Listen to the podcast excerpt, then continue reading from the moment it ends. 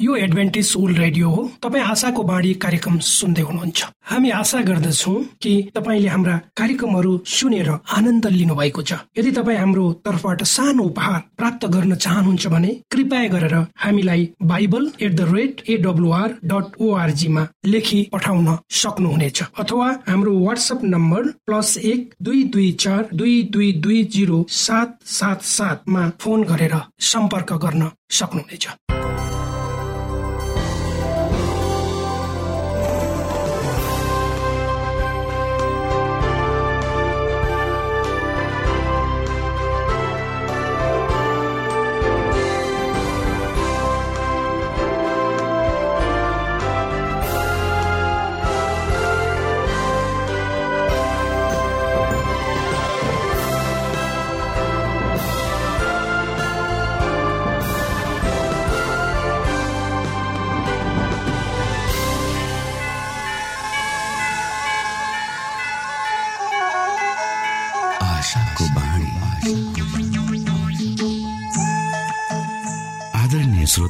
नमस्कार। यो समय तपाईँ एडभेन्टिस्ट ओल्ड रेडियोको प्रस्तुति भोइस अफ होप आशाको बाणी कार्यक्रम सुन्दै हुनुहुन्छ। कार्यक्रम प्रस्तुता म रवि। यो समय तपाईँको साथमा छु। भनिएको छ पापको कारण मानिसका हृदय जन्मेदेखि दुष्टतातर्फ ढल्किएको हुन्छ। आफ्नै स्वरूपमा परमेश्वरले सृजना गर्नु भएको मानिसलाई आफ्नै उद्देश्यमा रूपान्तरण गर्ने र ख्रिस्टको चरित्रमा प्रतिस्थापन गर्ने परमेश्वरको चाहना छ। यो सब हाम्रो भलाइको लागि गरिएका योजनाहरू हुन्। श्रोता के तपाईँ यो भलाइको कार्यक्रममा परमेश्वरलाई सघाउन चाहनुहुन्छ? प्रभु यशु क्रिस्ट हृदयको ढोकामा उभिएर ढकढक्याउँदै हुनुहुन्छ। उहाँ तपाईँमा भएर तपाईँको जीवनलाई राम्रोतिर असलतिर ढल्काउन चाहनुहुन्छ बदल्न चाहनुहुन्छ। आशाको बाणी कार्यक्रमलाई नियमित सुनेर परमेश्वरको चाहनाको महत्वलाई बुझेर बाँच्नुको महत्वलाई यहाँले बुझ्नु सक्नुहुनेछ भनेर हामी विश्वस्त छौँ। आउनुहोस् फेरि तपाईँलाई न्यानो स्वागत गर्दै हाम्रो कार्यक्रमलाई सुनिदिनु हुन अनुरोध गर्दै यो मिठो भजन यहाँ सामु राख्दैछु।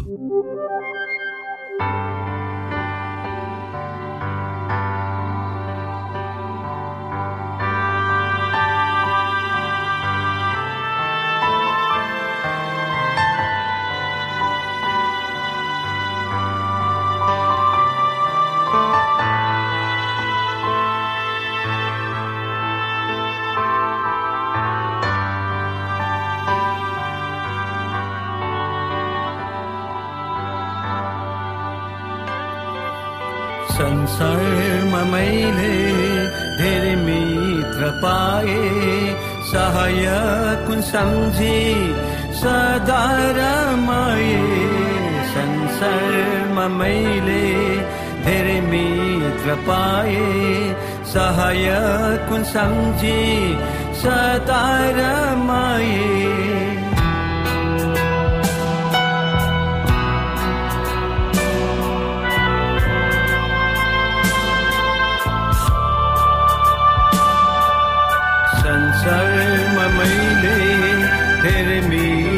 पाए।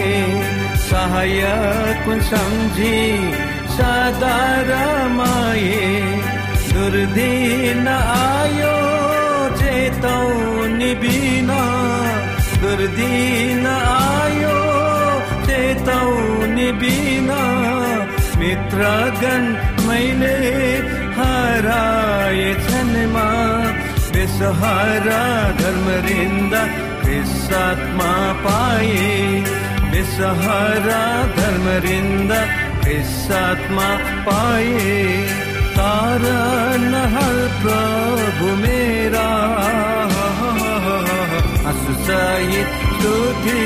कछु कृतज्ञता कृतज्ञा प्रदन्त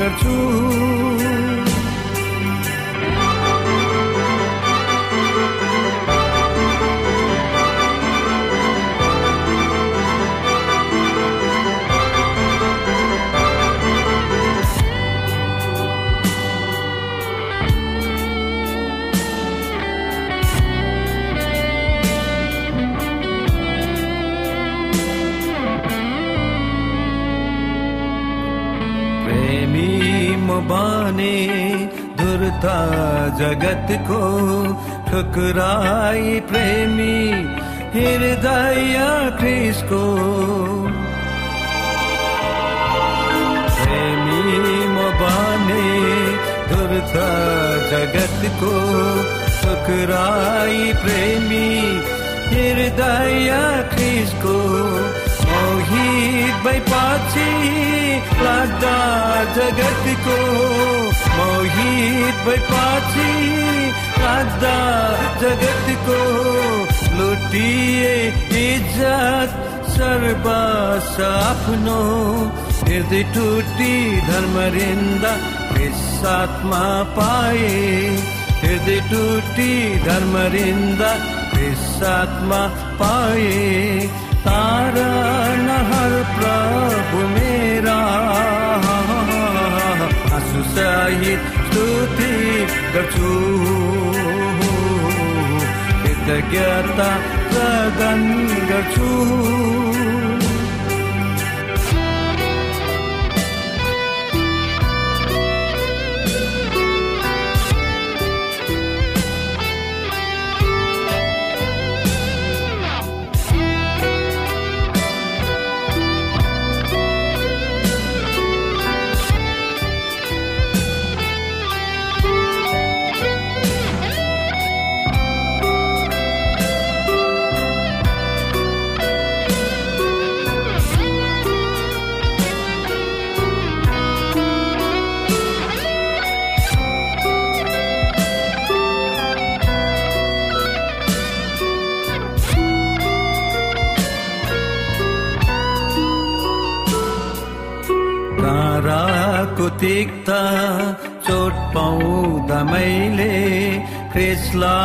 झन्झोरले तब अङ्गले।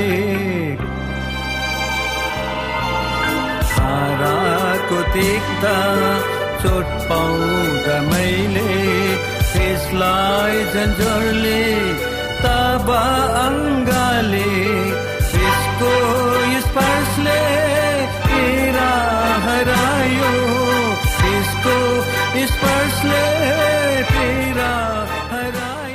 यो समय तपाईँ एडभेन्टिस्ट ओल्ड रेडियोको प्रस्तुति भोइस अफ होप आशाको बाणी कार्यक्रम सुन्दै हुनुहुन्छ। श्रोता मित्र यो समय हामी पास्टर उमेश पोखरेलबाट आजको बाइबल सन्देश सुन्नेछौ। श्रोता मित्र न्यानो क्रिस्टी अभिवादन। म तपाईँकी पास्टर उमेश पोखरेल परमेश्वरको वचन लिएर पुनः तपाईँहरूको बीचमा उपस्थित भएको छु। मलाई आशा छ तपाईँ यो कार्यक्रमलाई नियमित रूपमा सुन्दै हुनुहुन्छ र परमेश्वरका प्रशस्त आशिषहरू तपाईँले प्राप्त गर्दै हुनुहुन्छ। आजको प्रस्तुतिलाई सुरु गर्नुभन्दा पहिले आउनुहोस् हामी परमेश्वरमा अगुवाईको लागि प्रार्थना गरौँ। जीवी जिउँदो महान दयालु परमेश्वर प्रभु यीशु तपाईँ कति महान हुनुहुन्छ परमेश्वर? तपाईँले गर्नुभएको त्यो महान बलिदान र त्याग जसलाई हामी आकलन गर्न सक्दैनौँ। शब्दको भित्र त्यसलाई समेट्न पनि सक्दैनौँ प्रभु। तपाईँको त्यो अतुलनीय प्रेम धन्यवाद छ प्रभु यीशु यो जीवन र जीवनका आशिषहरूको लागि। म यो रेडियो कार्यक्रमलाई प्रभु तपाईँको हातमा राख्दछु। र यो कार्यक्रममा प्रभु तपाईँले दिन प्रतिदिन तपाईँको राज्य महिमाको प्रचारको खातिर यो संसारको कुना कुनामा यो देशको कुना कुनामा। सबै बिन्ती प्रभु यीशुको नाम। आमेन।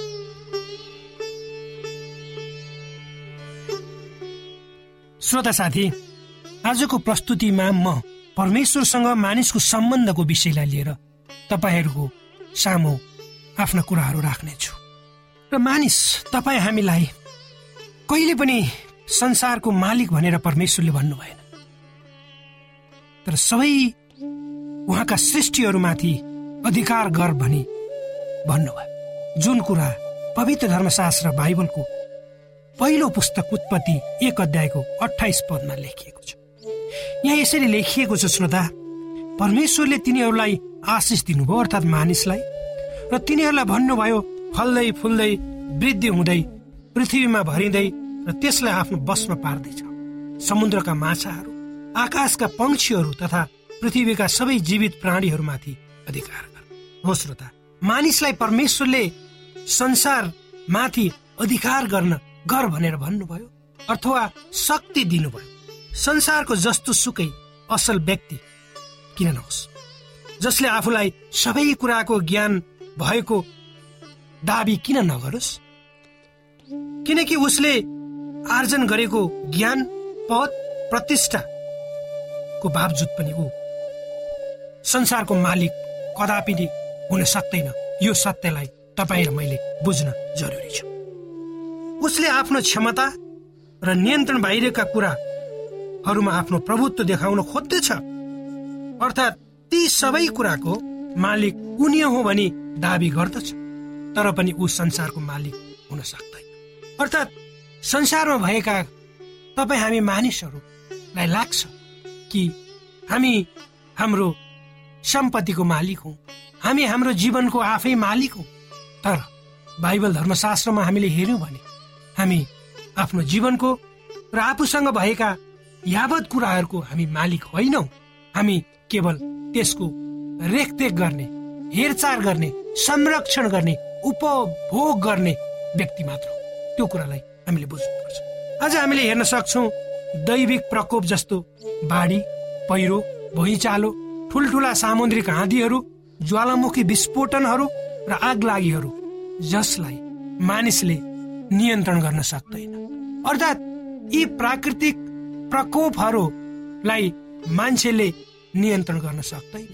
र जो मान्छेले म जानेको छु मलाई सबै कुरो थाहा छ म सबै कुरा मेरो अधीनमा छ म जे चाहन्छु त्यो गर्छु भनेर घमण्ड गर्छन् र गरिरहेका छन् तिनीहरूले यी दैवीय प्रकोपहरू छन् र प्रकृति छ त्यसलाई आफ्नो बसमा वा नियन्त्रणमा राख्न सक्दैनन्। त्यो कुरो संसारका घटनाहरू र इतिहासले प्रमाणित गरिसकेका छन् र हाम्रै जीवनमा पनि ती कुराहरू प्रमाणित भइसकेका छन्।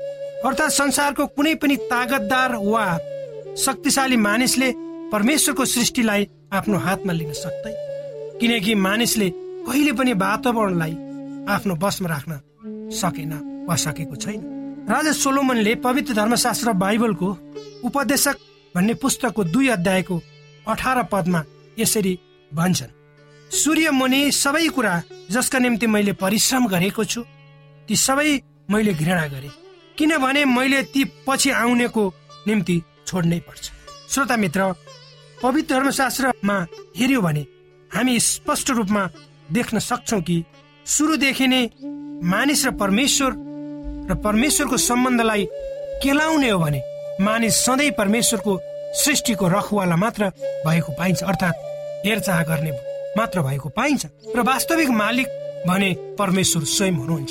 यही वास्तविकतामा हामी हेर्न सक्छौ परमेश्वरले मानिसको सृष्टि गर्दा उहाँ भन्नुहुन्छ।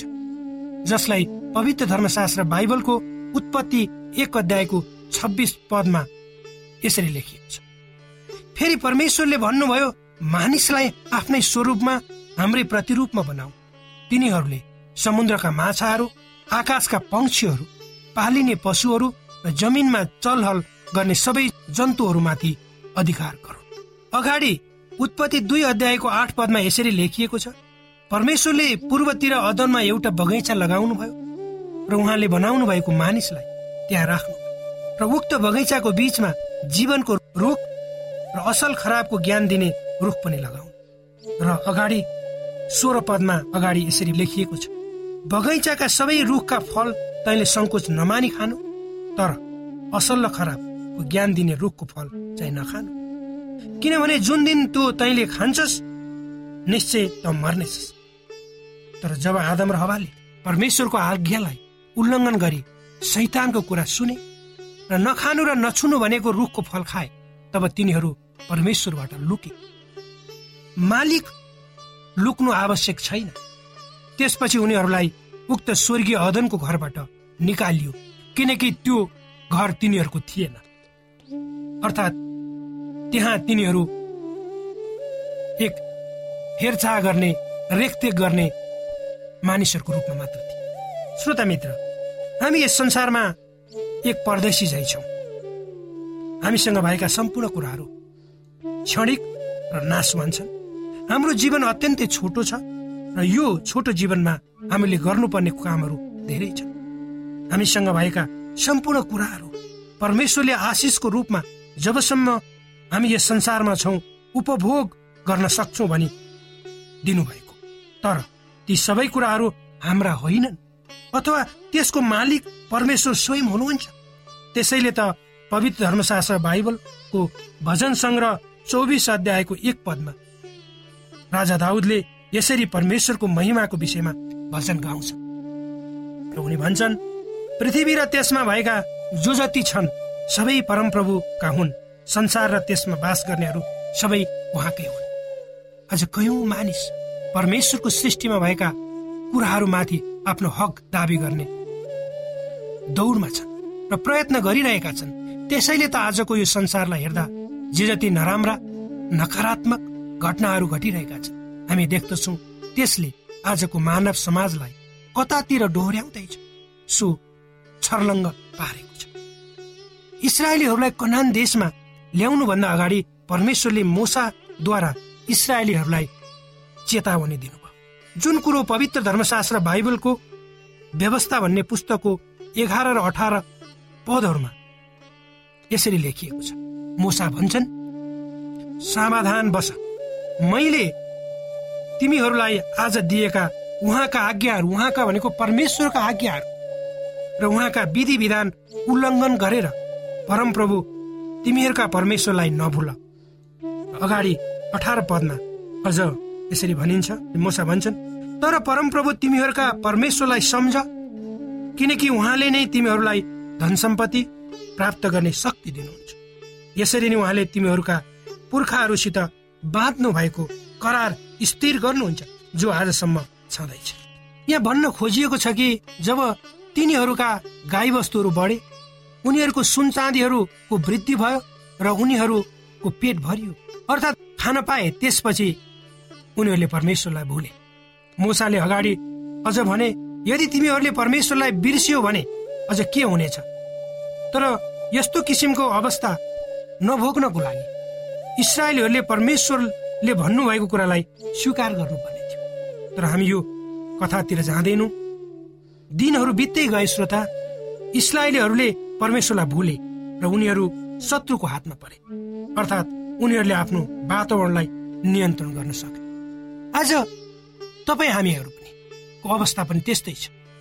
परमेश्वरले निरन्तर रूपमा बारम्बार तपाईँ र मलाई उहाँका कुराहरूद्वारा चाहिँ सचेत गराइरहनु भएको छ।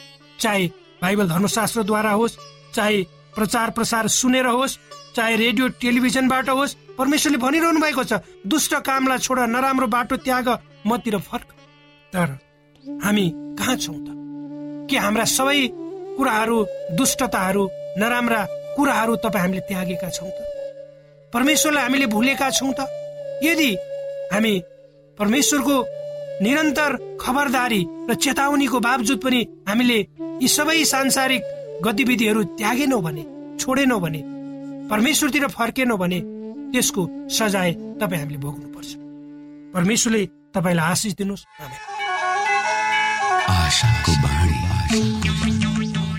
श्रोता भर्खरै यहाँले पास्टर उमेश पोखरेलबाट बाइबल वचन सुन्नुभयो। यो समय तपाईँ एडभेन्टिस्ट ओल्ड रेडियोको प्रस्तुति भोइस अफ होप आशाको बाणी कार्यक्रम सुन्दै हुनुहुन्छ। कार्यक्रम सुनेर बस्नुहुने सबै श्रोतालाई हामी हाम्रो कार्यक्रममा स्वागत गर्न चाहन्छौ।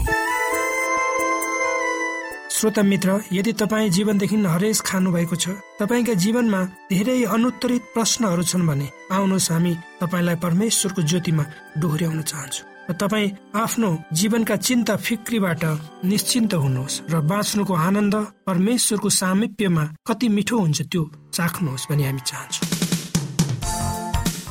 श्रोता यदि तपाईँ आशाको बाणी कार्यक्रमलाई अनलाइन सुन्न चाहनुहुन्छ वा डाउनलोड गर्न चाहनुहुन्छ भने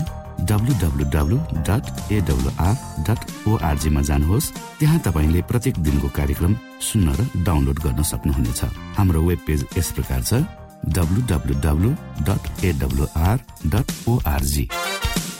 श्रोत साथी न्यानो अभिवादन साथ म आफ्नै आफन्त अर्थात् पास्टर उमेश पुकार पोखरेल। समसामयिक विषय केही प्रस्तुतिहरू लिएर उपस्थित भएको छु। आजको मेरो प्रस्तुति छ यसुमा पाप क्षमा।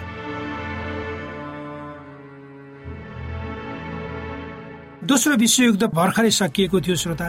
एकजना जापानिक नागरिक दोस्रो विश्वयुद्ध चलिरहेको समयमा डरले गुफाभित्र बस्ने गर्थ्यो। विश्वयुद्ध सकिएको धेरै दिन भइसकेको थियो तर पनि उक्त जापानिक नागरिक गुफाभित्रै बस्ने गर्थ्यो। अब अरू मानिसहरूले त्यो व्यक्ति गुफामा बसेको देखे तब उसलाई सोधे तिमी किन अझ गुफामा बसिरहेका छौ? तब त्यो व्यक्तिले जवाफ दियो तिमीहरूलाई थाहा छैन दोस्रो विश्वयुद्ध चलिरहेको छ। त्यसमा हामी पनि मारिन सक्छौँ। त्यसले म गुफाभित्र बस्छु ताकि मलाई कुनै किसिमको क्षति नहोस् यति यति सुनेर अरू व्यक्तिहरूले त्यो व्यक्तिलाई सम्झाए। कि हाम्रो दोस्रो विश्वयुद्ध सकिसक्यो। यो कुरा सुनेर अरू व्यक्तिहरूले त्यो व्यक्तिलाई सम्झाए कि दोस्रो युद्ध विश्वयुद्ध सकेको कयौँ महिना भइसकेको तिमी अझै डराएर गुफाभित्र बस्नु आवश्यक छैन। अब तिमी स्वतन्त्र भएर बाँच्न सक्छौ। श्रोत साथी मैले भर्खरै बताएको यो घटना दोस्रो विश्वयुद्धको समयमा घटेको साँचो घटना हो। आज यो संसारमा थुप्रै मानिसहरू पापको डरले गर्दा त्यस्तो दासत्वमा जिरहेका छन्। त्यो गुफामा बस्ने व्यक्ति जस्तै सत्य कुरालाई मानिसहरूले बुझेका छैन आज भन्दा दुई हजार वर्ष अगाडि यसु क्रिस्ट संसारमा आउनु भएर त्यो पापको बन्धनलाई तोडिदिनु भएको छ। तपाईँ र हामी अझै डराएर संसारका विभिन्न कुराहरूमा अल्झिरहनु आवश्यक छैन। आज संसारमा धेरै मानिसहरू पापबाट छुटकारा पाउने उद्देश्यका साथ विभिन्न किसिमका धर्म कर्म तीर्थयात्रा तथा बलिदान चढाउने गर्छ। तर यी सबै कुराहरूले मानिसलाई उसका पापबाट मुक्ति वा उद्धार दिन सक्दैन। पापको कारण परमेश्वर र मानिसको सम्बन्ध अलग गराएको थियो। पवित्र धर्मशास्त्र बाइबलको रोमी भन्ने पुस्तकको तीन अध्यायको तेइस पदमा यसरी लेखिएको छ श्रोता। किनकि सबैले पाप गरेका छन् र परमेश्वरको महिमासम्म पुग्नबाट चुकेका छन्। हो श्रोता पापैको कारण मानिस परमेश्वरसम्म पुग्न सक्दैन। किनभने परमेश्वर पवित्र हुनुहुन्छ र मानिस पापी तर प्रभु येसु यस संसारमा कन्या मरियमको गर्भबाट पवित्र आत्माको शक्तिमा गर्भधारण भएर जन्म लिनुभयो। उहाँ एउटा साधारण मानिस जस्तै शारीरिक रूपमा हुर्कनु बढ्नुभयो उहाँले आफ्नो पिताको पुर्खौली पेसामा काम गर्ने गर्न सहायता गर्नु र जब समय आयो तब उहाँले मानिसहरूलाई शिक्षा दिँदै उहाँले भन्नुभयो बाटो सत्य र जीवन म नै मद्वारा भाइ कोही पनि पिता कहाँ आउन सक्दै जुन कुरा हामी पवित्र धर्मशास्त्र बाइबलको यौन चौध अध्यायको छ पदमा पाउँछौँ। श्रोता विभिन्न शास्त्रहरूले बताउँछन् रगत नबगाइकन पापको क्षमा हुन सक्दैन जसको कारण मानिसहरू पशु पक्षी तथा जनावरहरूको बलिदान दिन दिने गर्छ। यो विश्वास गरेर कि त्यसले पाप क्षमा हुन्छ। तर हामीले बुझ्नुपर्ने कुरा यो हो कि यो यो भने के हो भने यदि मानिसको पाप जनावर अथवा पशु पक्षीको बलिदानले क्षमा हुने भए हामी मानिसको मोल के त? मानिसको पाप क्षमा कुनै जनावरको बलिदानले नभएर मानिस नै बलिदान हुनुपर्ने थियो। त्यो पनि निर्दोष तथा पवित्र मानिसको बलिदानको आवश्यकता थियो। जसको कारण प्रभु येसु क्रिस सारा मानव जातिको पाप र अधर्म जस्ता अधर्म क्षमा गर्नको निम्ति बलिदान श्रोता उहाँमा कुनै छल थिएन। उहाँले कुनै पाप गर्नुभएको थिएन। तर पनि एउटा अपराधीलाई जाइ यसुलाई मानिसहरूले क्रुसमा झुन्ड्याए। यो हुनु आवश्यक थियो किनकि यसको लागि यसो क्रिस यस संसारमा आउनु भएको थियो। जुन कुराको अगमबाडी सय वर्ष अगाडि थुप्रै भविष्यवक्ताहरूले गरेका थिए। पवित्र धर्मशास्त्र बाइबलको पुरानो करार अर्थात् यसु यस संसारमा आउनुभन्दा अगाडि नै लेखिएको पुस्तक यसैयाको सात अध्यायको चौध पदमा यसुको जन्मको विषयमा अगमबाणी गरिएको पाइन्छ। जहाँ यसरी लेखिएको छ परमप्रभु आफैले तिमीहरूलाई एउटा चिन्ह दिनुहुनेछ हेर कन्या गर्भवती हुनेछ र त्यसले एउटा छोरो जन्माउनेछ र उनको नाउँ इमानुएल राखिनेछ। इमानुएलको अर्थ परमेश्वर आलुसँग हो। यसै अगमवक्ताले केवल यसुको जन्मको विषय मात्र अगमबाडी गरेका थिएन तर यसु सारा मानव जातिको पाप र अधर्मको क्षमाको निम्ति बलिदान हुने कुराको पनि अगमबाडी गरेका थिए। जुन कुरा हामी यसै त्रिपन्न अध्यायको चार र पाँच पदमा पाउँछौँ जहाँ यसरी लेखिएको छ निश्चय नै उसले हाम्रा निर्बलताहरू बोक्यो र हाम्रा दुःख भोग्यो। तापनि हामीले उसलाई परमेश्वरबाट हिर्काइएको उहाँबाट पिटिएको र दुःखमा परेको सम्झ्यौँ। तर ऊ त हाम्रा अपराधका निम्ति पेलियो। हामीमा शान्ति ल्याउने दण्ड उसमाथि पर्यो र उसको कोराको चोटले हामी निको। श्रोता पुरानो समयमा मानिसहरू आफ्ना पापबाट छुटकारा पाउन जनावर तथा पशु पक्षीको बलिदान दिने गर्थे। उनीहरूका निम्ति एउटा पवित्र स्थान हुन्थ्यो जहाँ सबैजना जान पाउँदैन त्यो ठाउँमा केवल पुजारीहरू बलिदान लिएर जान्थे। र त्यो स्थान पर्दाले छोपिएको हुन्थ्यो। र जब यसु क्रुसमा बलिदान हुनुभयो तब त्यो पर्दा च्यातियो। पापको कारण मानिस र परमेश्वरको बिचमा जुन पर्दा थियो त्यसलाई यसुले सदाको निम्ति च्यातिदिनु अब तपाईँ र म यसुद्वारा बाहिर परमेश्वर पितासम्म पुग्न सक्छौँ।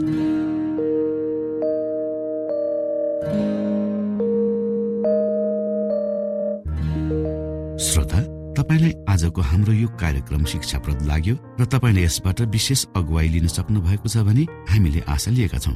हामीसँग पत्राचार गर्ने हाम्रो ठेगाना यस प्रकार छ। आशाको बाणी पोस्ट बक्स नम्बर दुई शून्य शून्य शून्य दुई काठमाडौँ नेपाल। श्रोता यदि तपाईँ हाम्रो स्टुडियोको नम्बरमा सम्पर्क गर्न चाहनुहुन्छ भने हाम्रा नम्बरहरू यस प्रकार छन्। अन्ठानब्बे एकसाठी पचपन्न शून्य एक सय बिस। अन्ठानब्बे एकसाठी पचपन्न शून्य एक सय बिस। र अर्को अन्ठानब्बे अठार त्रिपन्न पन्चानब्बे पचपन्न। अन्ठानब्बे अठार त्रिपन्न पन्चानब्बे पचपन्न। श्रोता तपाईँ हामीलाई इमेल पनि गर्न सक्नुहुन्छ। हाम्रो इमेल एड्रेस यस प्रकार छ। Nepal at AWR dot ORG Nepal at AWR dot ORG यदि तपाईँ हामीलाई अनलाइन सुन्न चाहनुहुन्छ वा डाउनलोड गर्न चाहनुहुन्छ भने तपाईँ डब्लु डट एडब्लुआर डट ओआरजीमा जानुहोस् र त्यहाँ तपाईँले हाम्रो सबै कार्यक्रमहरू सुन्न सक्नुहुनेछ। हवस् त श्रोता भोलि फेरि यही स्टेशन र यही समयमा यहाँसँग भेट्ने आशा राख्दै प्राविधिक साथी राजेश आडा पास्टर उमेश पोखरेल र कार्यक्रम प्रस्तुता म रवि यहाँसँग विदा माग्दछौ। नमस्कार। यो